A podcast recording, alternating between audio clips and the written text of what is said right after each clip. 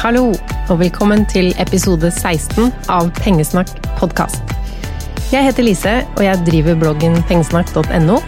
Driver denne podkasten, og jeg deler mye om personlig økonomi på Instagram. Der heter jeg Pengesnakk, hvis du vil følge med på hverdagen min og sparetips og litt forskjellig der. På Instagram har jeg så mye fine samtaler med dere, og lærer så masse selv. Så det er en av mine favorittkanaler å være aktiv på. Jeg er jo opptatt av eh, sparing, og hvor bra det er dette med å, å ha kontroll, da. Kontroll på økonomien. Og det er kanskje du også, siden du har valgt å sette på denne podkasten, som forhåpentligvis kan gjøre at du tar noen litt smartere valg i din hverdagsøkonomi. De to siste episodene som har kommet nå i sommer, de har handla mest om meg. Det har jo skjedd to store ting i eh, livet mitt som har eh, innvirkning på min økonomi. Jeg har jo sagt opp jobben for å drive med pengesnakk på full tid. Og så har vi kjøpt et hus og flytter ut av byen. Det var jo mannen min Tom her og snakket om i forrige episode. I dag overtar vi huset vårt, og har fra og med i dag boliglån. Jeg skal snakke litt mer om det til slutt i dagens podkast, men Mesteparten av denne episoden så har jeg tenkt å bruke på å svare på spørsmål fra dere. Jeg hadde en runde med spørsmål og svar på Instagram for noen uker siden. Og jeg fikk inn så masse spørsmål, flere enn jeg greide å svare på da. Så jeg tar noen av dem her, pluss noen spørsmål jeg har fått på mail sånn i løpet av sommeren. Jeg har fortsatt mange flere spørsmål som jeg ikke rekker å svare på i dag, men det tenkte jeg ah, vi skal få gjort noe med i løpet av måneden. For jeg ønsker jo å få svart på så mange av spørsmålene deres som mulig. Og nå skal jeg jo ha podkast hver eneste uke framover, og ikke bare annenhver fredag, så da er det håp. Første spørsmål Eller jeg må jo si som vanlig, da. Jeg er jo ikke en ekspert, så dere får ta rådene mine med en klype salt. Det er bare mine egne meninger og ting jeg har eh, lest og lært uansett lurt å høre på mer enn én kilde hvis man skal ta noen store beslutninger i økonomien sin. Ja, første spørsmål. Hei, hørte akkurat på podkasten din og synes det er kjempenyttig og spennende å følge deg. Men jeg sitter her og er litt nysgjerrig på dette med økonomi i forholdet, fordeling av lån osv. Kan jeg spørre om hvorfor dere har valgt å løse det på den måten, istedenfor å ha fullstendig felles økonomi? Er det rett og slett med tanke på at det sikrer dere begge hvis det en dag tar slutt? Eller finnes det andre grunner som du har lyst til å dele? Bare nysgjerrig her, synes det er spennende å få innblikk i hvordan andre gjør det. Takk for spørsmålet. Det er mange som har lurt på lignende ting, så her får jeg jo begynne med å si da, at jeg ikke anbefaler vår ordning til spesielt mange andre. For vi har det nemlig sånn at vi er gift og har på papiret felles økonomi. Men i praksis sånn i hverdagen, har vi helt separate økonomier. Jeg kjenner ingen andre som har en litt spesiell ordning der, og det handler om eh, handler litt om mitt kontrollbehov, og litt om min rettferdighetssans, eller hva skal jeg kalle det. Det hadde liksom føltes feil om vi hadde felles økonomi, og så hadde jeg satt inn over 20 000 kroner i fond og mine sparekontoer hver måned.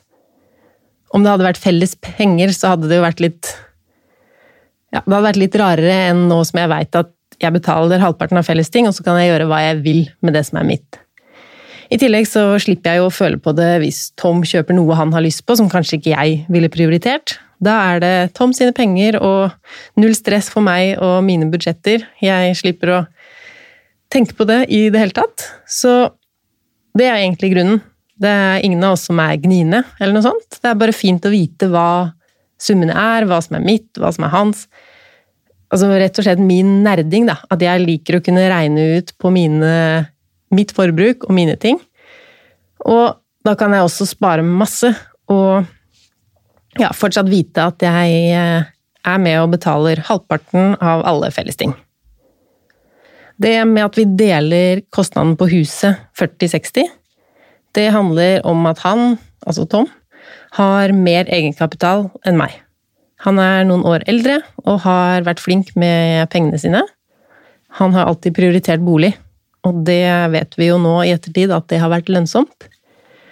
Og så handler det om at vi syns det er viktigere at vi betaler At vi har et like stort lån, begge to av oss, da, som vi betaler inn på, og at vi da har like mye å bruke. Eventuelt spare. Så vi syns det er mer eh, Det blir mer likt enn om at jeg skulle ha sittet med et større lån, og han kanskje ikke hatt lån i det hele tatt. Vi krangler faktisk aldri om penger. Hvis det er noe vi lurer på hvordan vi skal gjøre, så gjør vi det som regel sånn som jeg vil. Fordi jeg er mer opptatt av å telle penger og ha oversikt, og syns dette er mye mer gøy, da. Og som sagt så syns jeg det er mye lettere å regne på alle disse nerdetingene mine hvis vi har delt økonomi. Hvis vi skulle skille oss, så er det sånn at vi er jo gift, så da skal det egentlig deles likt. Men eh, Nå har jeg ikke diskutert det her med Tom, men hvis vi skulle skilles, så tenker jeg at vi har jo såpass god kontroll på hva som er mitt, og hva som er hans, at vi nok ville tatt hvert vårt og ferdig med det. For det kan man gjøre, selv om man er gift. Man må ikke dele på begges formuer. Man kan, eh, hva heter det da, si fra seg retten eh, til å dele likt. Sånn i hverdags, hverdagsøkonomien vår, i hverdagen, så gjør vi det sånn at vi har flere kredittkort. Her oppfordrer jeg dere igjen til å tenke selv, og ikke bruke bestille masse kredittkort bare fordi jeg sier at jeg gjør det. Jeg har alltid betalt alle kredittkortregninger til forfall, og har derfor aldri betalt en eneste rentekrone til kredittkortselskapene. Og da, det gjør det jo veldig greit for oss å bruke kredittkort. Ehm, siden det ikke blir noen dyre regninger, så vi kan alltid dekke hele regninga med en gang den kommer. Og når vi da bruker disse kortene på vårt fellesforbruk, så får vi en regning som vi kan dele på do, istedenfor at vi da må sette inn penger på en felleskonto i forkant. Jeg veit at mange har, har, det sånn, en felles konto med to kort til mat og sånn felles ting. Vi hadde nok ikke visst helt hvor mye vi skulle sette inn hver måned, og så slipper vi også å betale noe kortavgift, hvis det er noe sånt. Um, og i tillegg så tjener vi opp bonuskroner på det vi handler. Og de pengene sparer vi til bryllupsreisen vår. Nå har vi jo vært gift i hva blir det til høsten? Fire år. Og vi sparer fortsatt til eh, denne bryllupsreisen. Det ble et langt svar, spora kanskje litt av, men jeg håper du fikk litt innsikt i hvorfor vi gjør det sånn som vi gjør det. Neste spørsmål. Hva er dine tanker rundt felles økonomi? Jeg Tok med det her òg på samme tema. Jeg tenker at det er så opp til hvert par. Jeg syns det er oversiktlig å ha mine penger, og at Tom har sine penger. Men for andre så vil det være mer oversiktlig å ha alt felles. Enda et spørsmål. Hva tenker du om fordeling av felles kostnader mellom samboere med ulik lønn? prøvde å samle litt de spørsmåla som hadde med dette samme temaet å gjøre. For dette handler jo også om kommunikasjon. Noen vil tenke at det er en selvfølge at man betaler likt uansett. Andre vil synes det er en selvfølge at man betaler eh, sånn prosentvis etter inntekt. Det har jeg inntrykk av at er veldig vanlig i Sverige, f.eks. Um, og da gjør man det sånn at La oss si at det er en dame da, som tjener 60 000 i måneden, eh, og er sammen med en mann som tjener 30 000 i måneden. Godt betalte folk. Så kan de begge legge f.eks. en tredjedel av lønna si inn i fellesen. Så da blir det jo 20 000 fra henne og bare 10 000 fra han. Da har de til sammen 30 000 som de disponerer til felles utgifter. Da har hun da igjen 40 000 til eget bruk, og han har igjen 20 000 til eget bruk. Noen syns det er en veldig rettferdig ordning. Og så er det en tredje variant, eh, som mener at alt skal deles likt.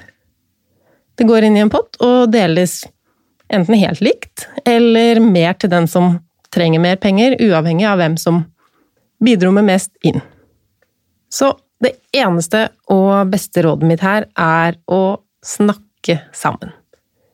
Bli enige. Kanskje er dere helt enige fra før av, Eller kanskje dere er uenige.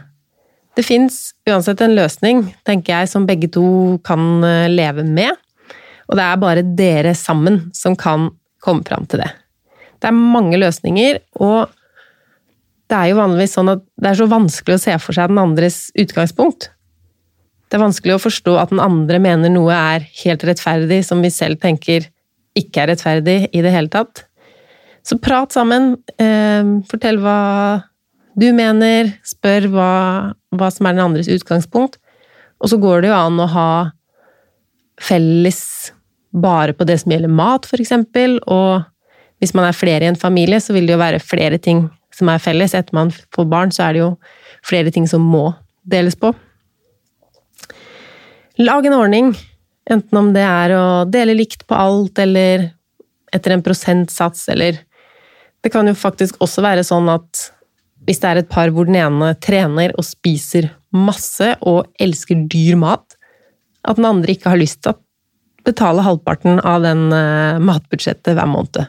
Sånne ting kan man jo også ta opp. Hva blir egentlig rettferdig for akkurat oss som par? Det er altså ingen andre ting enn eh, samtaler som vil gi dere som par svaret på hvordan dere skal dele, og hva dere skal dele på. Nytt spørsmål. Hei! Først gratulerer med spennende podkast og blogg. Jeg har akkurat hørt episoden om huset deres, der dere fortalte at du skulle eie 40% mens din mann eier 60% dette er en type fordeling som jeg og min samboer også har. Et interessant tema her er hvordan dere deler på kostnader som kan påvirkes av forskjellig eierbrøk.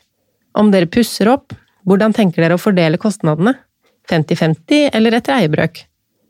Det kan også være flere ting som fordeles etter eierbrøken, som for eksempel eiendomsskatt. Hadde vært interessant å høre deres tanker om dette. Ja, Eh, mine tanker om dette er eh, at vi deler 50-50. I leiligheten som vi nå bor i til i dag, den eh, delte vi jo på 35% på meg, og Tom eide 65% All oppussing, eiendomsskatt etc. betalte vi 50-50. Vi synes det er vanskelig å på en måte beregne hvilken oppussing lønner seg ved videresalg, og hva gjorde vi kun for vår egen del og for den perioden som vi skal bo der, da. Og da er det jo mer rimelig å betale likt for det.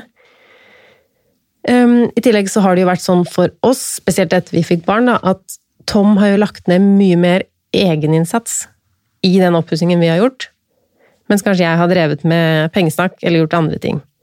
Så da blir det jo litt mer rettferdig etter brøken at vi betaler likt, men så har han lagt inn litt mer egeninnsats, og det stemmer jo med at han også eier mer. Vi hadde to prosjekter hvor vi faktisk delte etter eierbrøken, og det var den nye trappa vi kjøpte, som gjorde hele leiligheten mye lettere å bevege seg rundt i, og det nye badet vårt. Der betalte vi etter eierbrøk på akkurat de to prosjektene. Så vi har vel ikke vært helt konsekvente på det her. Og det handla vel om at det var så tydelige oppgraderinger av, for leiligheten, da, de to prosjektene. Og kanskje litt også at Tom var mer ivrig på det enn meg, og ja, kanskje litt utjevnende fordi jeg jo har vært med på å betale halvparten av alle andre jobber, materialer og ting som vi har gjort. Nå i nytt hus så regner jeg med at vi fortsetter med 50-50 om vi skal gjøre noe. Vi har jo planlagt å bo der veldig, veldig lenge. Og så er jo forskjellen på hvor mye vi eier, enda mindre. Når vi nå går fra 35-65 til 40-60. Igjen så er det jo dere som er deres fasit. Det kan også handle litt om eh, hvordan fordelingen ble ulik i utgangspunktet òg. Var det sånn at den ene måtte ta en større del av eh, boligen? Hvis man kanskje egentlig ønska seg 50-50, så var det ulik egenkapital eller noe sånt, så at den ene måtte ta egentlig en større eierandel enn den hadde lyst til, så blir det jo rart å også forvente at den skal betale mer av eiendomsskatt etc. Når begge to bruker eh, den eiendommen som felles bolig, da. Men øh, hvis den ene ønska veldig mye å eie mer, så er det jo kanskje mer et grunnlag for at den også tar en større del av oppgraderinger og så videre. For jeg tenker sånn, Hvis det hadde vært enda skjevere, da, 80-20 eller til og med 90-10, så veit jeg jo ikke om det er så riktig å betale 50-50 for alt. Så det kommer jo kanskje også an på hvor lenge man skal bo der, da. Hvis man har en uh, horisont som er kjempelang, så er det jo mer naturlig at man betaler likt, enn hvis man snart skal selge, og det er så tydelig at den med størst eierandel kommer til å også tjene på de oppgraderingene som gjøres, da. Men for å oppsummere, vi deler, bortsett fra disse to unntakene da, 50-50, selv om vi eier litt ulikt. Neste spørsmål Kommer du til å leve av avkastning fra fond videre etter huskjøp? Nei, det kommer jeg ikke til, og det har jeg heller ikke gjort. Jeg har skrevet og snakket en del om at hvis jeg fortsetter å spare så mye som jeg gjør, så kan jeg leve kun på avkastningene av fondene mine når jeg blir 40. Men jeg er bare 32 og har absolutt ikke stor nok investert formue til å kunne leve bare på det. Og nå som jeg tar opp lån i dag, så er jeg enda lengre unna en sånn tilværelse. Nå er jo det heller ikke mitt uh, hovedmål, og som Tom uh, nevnte i forrige episode av podkasten, så har jeg jo nå oppnådd en frihet med at jeg ikke lenger har en 8-4-jobb, jeg styrer selv, um, og da er det jo enda mindre viktig enn det var da jeg begynte å spare til denne uavhengigheten. Nytt spørsmål må du bruke av dine fondsoppsparte midler etter huskjøp? I så fall, hvor mye? Nei, det hadde jeg ikke tenkt til. Nå får vi jo se, når vi tar opp eh, lånet i dag. Hvis det blir mye renteoppgang framover, så er det kanskje et poeng i å betale litt mer ned på lånet. Men sånn det ser ut i dag, så er det helt fint å heller holde investeringene i fond, og så kjøper jeg huset med lån ved siden av. Enda et spørsmål. Um, I siste pod ble jeg veldig forvirret over at du sier opp jobben og hiver deg ut i usikkerhet. Virker ikke som dette er helt deg. Men jeg synes du er tøff som går den veien du vil, og tenker at det ordner seg. Men ser nå at du slash deres økonomi er mye mer avhengig av din mann. Kommer selvfølgelig an på hvor mye dere tok opp i lån for å kjøpe nytt hus, men det får jeg jo vite i neste episode. Ja, det var kanskje ikke et spørsmål, øh, men vi tar opp fem millioner i lån. Fem millioner og 60 000. Kommer kanskje til å betale inn et par hundre tusen på det, jeg, med en gang, sånn at vi kan dele på to hver måned. Jeg skal ha en bitte liten større del av øh, lånet enn Tom, sånn at vi får delt etter 40-60, som vi har planlagt. For hvis vi hadde delt lånene vi tar opp nå, helt likt, så hadde det blitt 39,5 og ja, det hadde blitt litt uh, det er mye reinere å ha det 40-60, så derfor skal jeg eie litt mer av det lånet. Men jeg tror jeg bare at jeg betaler inn det med en gang, sånn at det blir lett hver måned å betale 50-50. Og så, da, feministen i meg, eller kanskje bare en som Jeg har jo alltid greid meg selv, og liker ikke tanken på å skulle bli forsørga. Eh, vi er absolutt ikke mer avhengig av min mann. Vi er avhengig av at pengesnakk viser seg å være en fornuftig business, noe jeg jo mener og tror det er. Det er mange som vil snakke om penger med meg, og det er innmari kult at det kan være fulltidsjobben min. Og hvis det i perioder ikke går så bra, så har jeg jo nå bygget meg opp en litt større buffer. Jeg kan selge meg ut av fond. Jeg kan ta meg en ny jobb, enten en ny fulltidsjobb eller en deltidsjobb ved siden av pengesnakk. Det er altså øh, mange, eller i hvert fall flere ting, jeg ville gjort før jeg mente at Tom skulle betale mer av fellesting, eller på noen måte forsørge meg. Det skal han ikke. Han skal betale sin del, og jeg skal betale min del. Men øh, det er jo klart at det er en sikkerhet i å være to. Det er det jo. Men jeg tenker at det er jo like mye andre veien. Hvis han skulle miste sin inntekt, så er han en sikkerhet i å ha meg. Neste spørsmål. Har dere regler for hva som er greit å bruke felleskortet på? Nei.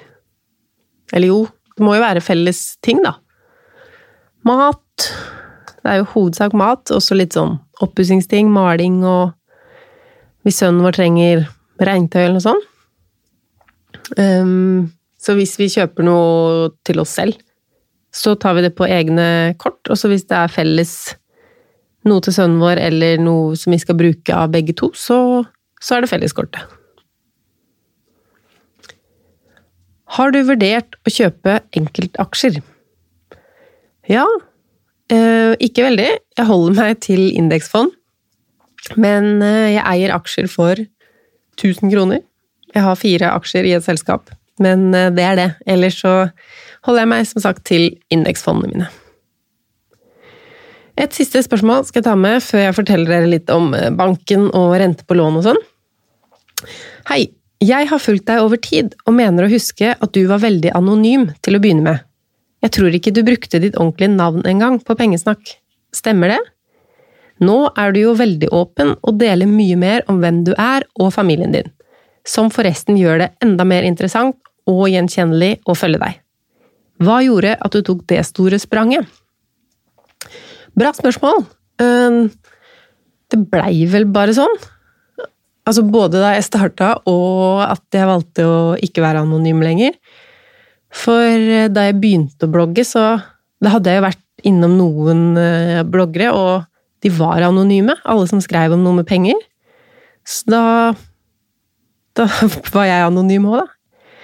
Um, nå er jeg jo veldig opptatt av at vi må snakke med hverandre om penger, og at det ikke skal være noe tabu eller noen grunn til at noe penger skal være en hemmelig sak. Så nå er jeg jo veldig opptatt av å ikke være anonym. Og i starten så Jeg var vel litt sånn redd for at folk som kjenner meg, skulle tenke at jeg var eh, gnien og gjerrig og For det høres ikke sånn kjempebra ut å være opptatt av penger. Da ser man for seg kanskje en som ikke er så raus og Ja, man høres med en gang gjerrig ut, da. Og det, det er så langt fra hvem jeg er. Så jeg var kanskje litt redd for å bli misforstått hvis jeg hadde lagt ut bilder og navnet mitt med en gang. Og jeg var jo ikke bare anonym med tanke på at jeg ikke la ut navnet mitt på internett. Jeg eh, fortalte jo heller ingen at jeg hadde en eh, blogg om eh, sparing og økonomi. Det tok Hva tok det? Et år? To, kanskje? Det er jo ganske lett å være anonym, fordi da kan man jo mene hva som helst på internett. Men så er det jo mye mer gøy å vise ansikt og kunne snakke mye mer om dette med penger og økonomi. Og jeg har jo faktisk ikke fått noen negative reaksjoner fra de som kjenner meg, da, om at jeg er så opptatt av penger at jeg nå driver pengeblogg og podkast på fulltid. Så skal jeg fortelle noe til dere som skal flytte. Ikke dere som skal flytte på hybel eller i kollektiv. Jeg skal spille inn en egen studentepisode neste uke, hadde jeg tenkt. Men dette er til dere som skal selge en bolig, og så kjøpe en annen. Og kanskje enda mer til dere som skal kjøpe en annen, og så selge en egen. Vi tar over huset vårt i dag, men har ikke overtagelse på vår leilighet før 20. august. Så det er da 18 dager hvor vi skal ha to boliger. Det er jo ikke så veldig lang tid. Det kan jo noen ganger bli flere måneder hvis man eh, kjøper først og selger etterpå. Og det å sitte på to boliger over tid blir dyrt. Det er jo både utgifter til sameie eller borettslag, kommunale utgifter, strøm, internett osv. Det er lån, kanskje på begge boligene, og det er det jeg skal fortelle dere litt om. For det er jo noe som heter mellomfinansieringslån. Og det lånet gjør det mulig å sitte på to boliger i en sånn periode. Selv om det da totalt lånet er så stort at banken ikke ville gitt deg det for å kjøpe et stort hus, for eksempel, men siden det er en midlertidig situasjon, og en av boligene er solgt eller skal selges, så kan du få det mellomfinansieringslånet. Det lånet har en høyere rente enn boliglånet, så dette har jo også mer å si jo lengre du skal ha lånet. Det mellomfinansieringslånet vi ble tilbudt, hadde en rente på 4,82 effektiv, og det langsiktige lånet, som vi skal ha da i årevis, hadde i forslaget fra banken 2,75 i effektiv rente. Og huset vårt eh, kosta jo 14 millioner, pluss litt omkostninger, og så solgte vi leiligheten for 9,4, pluss litt omkostninger der òg. Så det langsiktige lånet vi skal ha, er på 5 millioner når eh, leiligheten er solgt. Eller tatt over. Så det banken foreslo for oss, var å ha et langsiktig lån på 5 millioner, som jo er riktig, og et mellomfinansieringslån på 9,3 millioner. Og det lønner seg jo ikke. Ikke for oss eh, som vil bruke minst mulig kroner på renter. Det de burde ha satt opp, var jo et langsiktig lån på kanskje åtte millioner. Vi hadde jo finansieringsbevis, som det heter, på at vi kunne ha et så høyt lån. Og heller da gitt oss et lavere mellomfinansieringslån, og heller gjort det sånn at vi kunne betale ned noen millioner på det langsiktige lånet med en gang leiligheten vår var tatt over. For det første alternativet, hvis du sier at vi må beholde det lånet her en måned, da. Det kan jo ta opptil ti dager før alt blir utbetalt på salget. Um, så hvis vi skal ha lånet i en måned, så vil det alternativet banken hadde satt opp, kosta oss 49 eh, 000 kroner i august. Og mens det alternativ to, som jeg eh, satte opp, ville kosta 43 000. Så det er jo da 5000 kroner eh, som vi kunne spart. Det høres jo ikke så mye ut med 5000 kroner når vi snakker om eh, millioner, men eh, over 5000 kroner er jo et matbudsjett for en hel måned, eller en kjole, eller fem par sko, jeg vet ikke. Det er altså penger vi kunne fått bruk for, og vi burde ha tenkt på det her før vi sto i banken og alle dokumentene var skrevet ut, og vi hadde dratt inn til Oslo midt i ferien bare for å signere på disse papirene ganske sent ute med tanke på pantet som måtte sendes, osv. Vi burde ha tenkt på at, lang, at, vi burde hatt et så høyt langsiktig lån som mulig, og et lavest mulig mellomfinansieringslån. Når vi får pengene fra leiligheten, så kunne vi jo betalt ned det som var høyt på det langsiktige, sånn at fasiten hadde blitt lik i begge tilfellene, at det langsiktige lånet vårt skulle være fem millioner. En annen ting vi burde tenkt på, Eh, vi hadde jo bestemt oss for å ikke bruke noen av sparepengene nå når vi kjøper huset. Vi vil heller se om det er noe vi trenger å gjøre i huset med en gang, for det kan det jo være. Sikkert noe vi må kjøpe som vi ikke har tenkt på. Ingen av oss har vært huseiere før, så vi tenkte at det var lurt å holde sparepengene utenfor lånet først. Og så kan vi heller eh, Så bruker vi bare penger fra leilighetssalget som egenkapital. Så der gikk vi jo en liten felle til, hvis man kan kalle det det. Vi burde jo ha sagt til banken at vi tok da det høye langsiktige lånet og så lavt mellomfinansiering som mulig, og i tillegg lånt oss selv penger, da, for å kunne få enda lavere mellomfinansieringslån.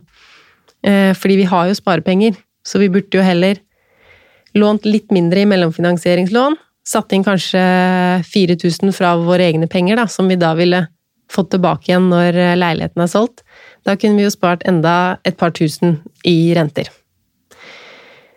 Ehm, men dette tenkte jeg som sagt på for seint, og fordi det var ferietid i banken osv., så, videre, så kunne de ikke lage nye dokumenter. Eller så blei jeg lurt. Iallfall sure penger. Så derfor vil jeg gjøre dere oppmerksomme på dette her med mellomfinansiering, at det er mulig å eh, gjøre litt om på regnestykkene som banken har satt opp, og det vil absolutt lønne seg å sette høyest mulig langsiktig lån for å få da ned kostnaden på mellomfinansieringa. Det jeg heldigvis klarte å endre på, som også gjør det her regnestykket litt bedre, det var renten. Både på mellomfinansieringslånet og på det langsiktige lånet. Heldigvis. Hun eh, damen i banken veldig flink dame til å forklare ting. Hun mente først at 2,75 i effektiv rente, det var det, det var det, de hadde. Men eh, jeg hadde jo spurt dere på Instagram hva slags renter dere har i hvilken bank på boliglån, og å ha 2,75 i rente var jeg jo ikke interessert i, etter å ha sett hva dere har fått til. Ehm, så kanskje fordi hun også var enig i at hun burde gjort det litt mer lønnsomt for oss med den mellomfinansieringa, eller fordi jeg lovte å melde meg inn i en fagforening. Det har jeg jo nå også gjort. Veldig rart at jeg nå når jeg slutter i jobben, melder meg inn i fagforeninga. Men sånn ble det. Det lønner seg også med tanke på forsikringer som vi må tegne nå. På hus og hytta, og enda noen flere som jeg tidligere har hatt gjennom jobb, som har vært eh, gode forsikringer, som jeg nå må holde selv. Så blir det lønnsomt å være fagforeningsmedlem. Selv om det da også koster noen tusenlapper i året. Eh, den renta jeg landa på, var effektiv 2,15. Jeg vet at jeg kan få 2,14 i en annen bank. Eh, jeg snakket også med de i ferien, men igjen litt for sent, så de hadde ikke rukket å ordne finansiering siden jeg var så sent ute. Så jeg får heller ta en runde på det om en måned eller to og se om det er verdt å bytte bank. Jeg er egentlig veldig fornøyd med den banken jeg har. Renten på eh, mellomfinansieringa fikk jeg jo også ned, som sagt, og de 5000 eh, kronene jeg mente at jeg tapte, det ble i hvert fall redusert til 3000 kroner da. Fortsatt surt at jeg ikke var eh, på ballen, sier man ikke det, litt før, og fikk fanga opp at vi hadde satt opp et litt dumt regnestykke. Men da vet iallfall dere det, og kan gjøre det litt smartere enn meg hvis dere havner i en situasjon hvor dere må ha mellomfinansiering. Og en annen ting jeg tenkte på, når man er sånn i banken, spør om alt. Det er så mange bankord og sånn bare ting Serielån. Hva er egentlig serielån? Har vi valgt det? Hvorfor har du satt opp serielån? Må det være sånn? Kan vi endre det? Spør hvorfor. For disse bankfolka er De er stort sett flinke til å forklare det enkelt, men først hvis man spør dem noen enkle spørsmål. Så Det var ganske mye om et eh, tema som sikkert gjelder ganske få av dere akkurat nå, men det kan hende dere blir nødt til å ta opp et sånt mellomfinansieringslån en eller annen gang. Og da kan dere gå og høre på denne podkasten igjen, eller lese innlegget jeg har skrevet om det på bloggen. Jeg håper dere har hatt en eh, fin ferie. Noen av dere er eh, kanskje på ferie enda. Tenk på om det kan være en idé å leie ut hjemme neste gang dere reiser bort. Eller leie ut en hytte dere har. Jeg har eh, skrevet et innlegg på bloggen om at vi har leid ut i sommer på Airbnb. Og hvor mye vi tjente på det, og hvordan det er nå med de nye skattereglene og sånn. Så sjekk det ut hvis du er interessert i det. Vi snakkes i neste uke. Da har jeg en episode til studentene der ute. God helg!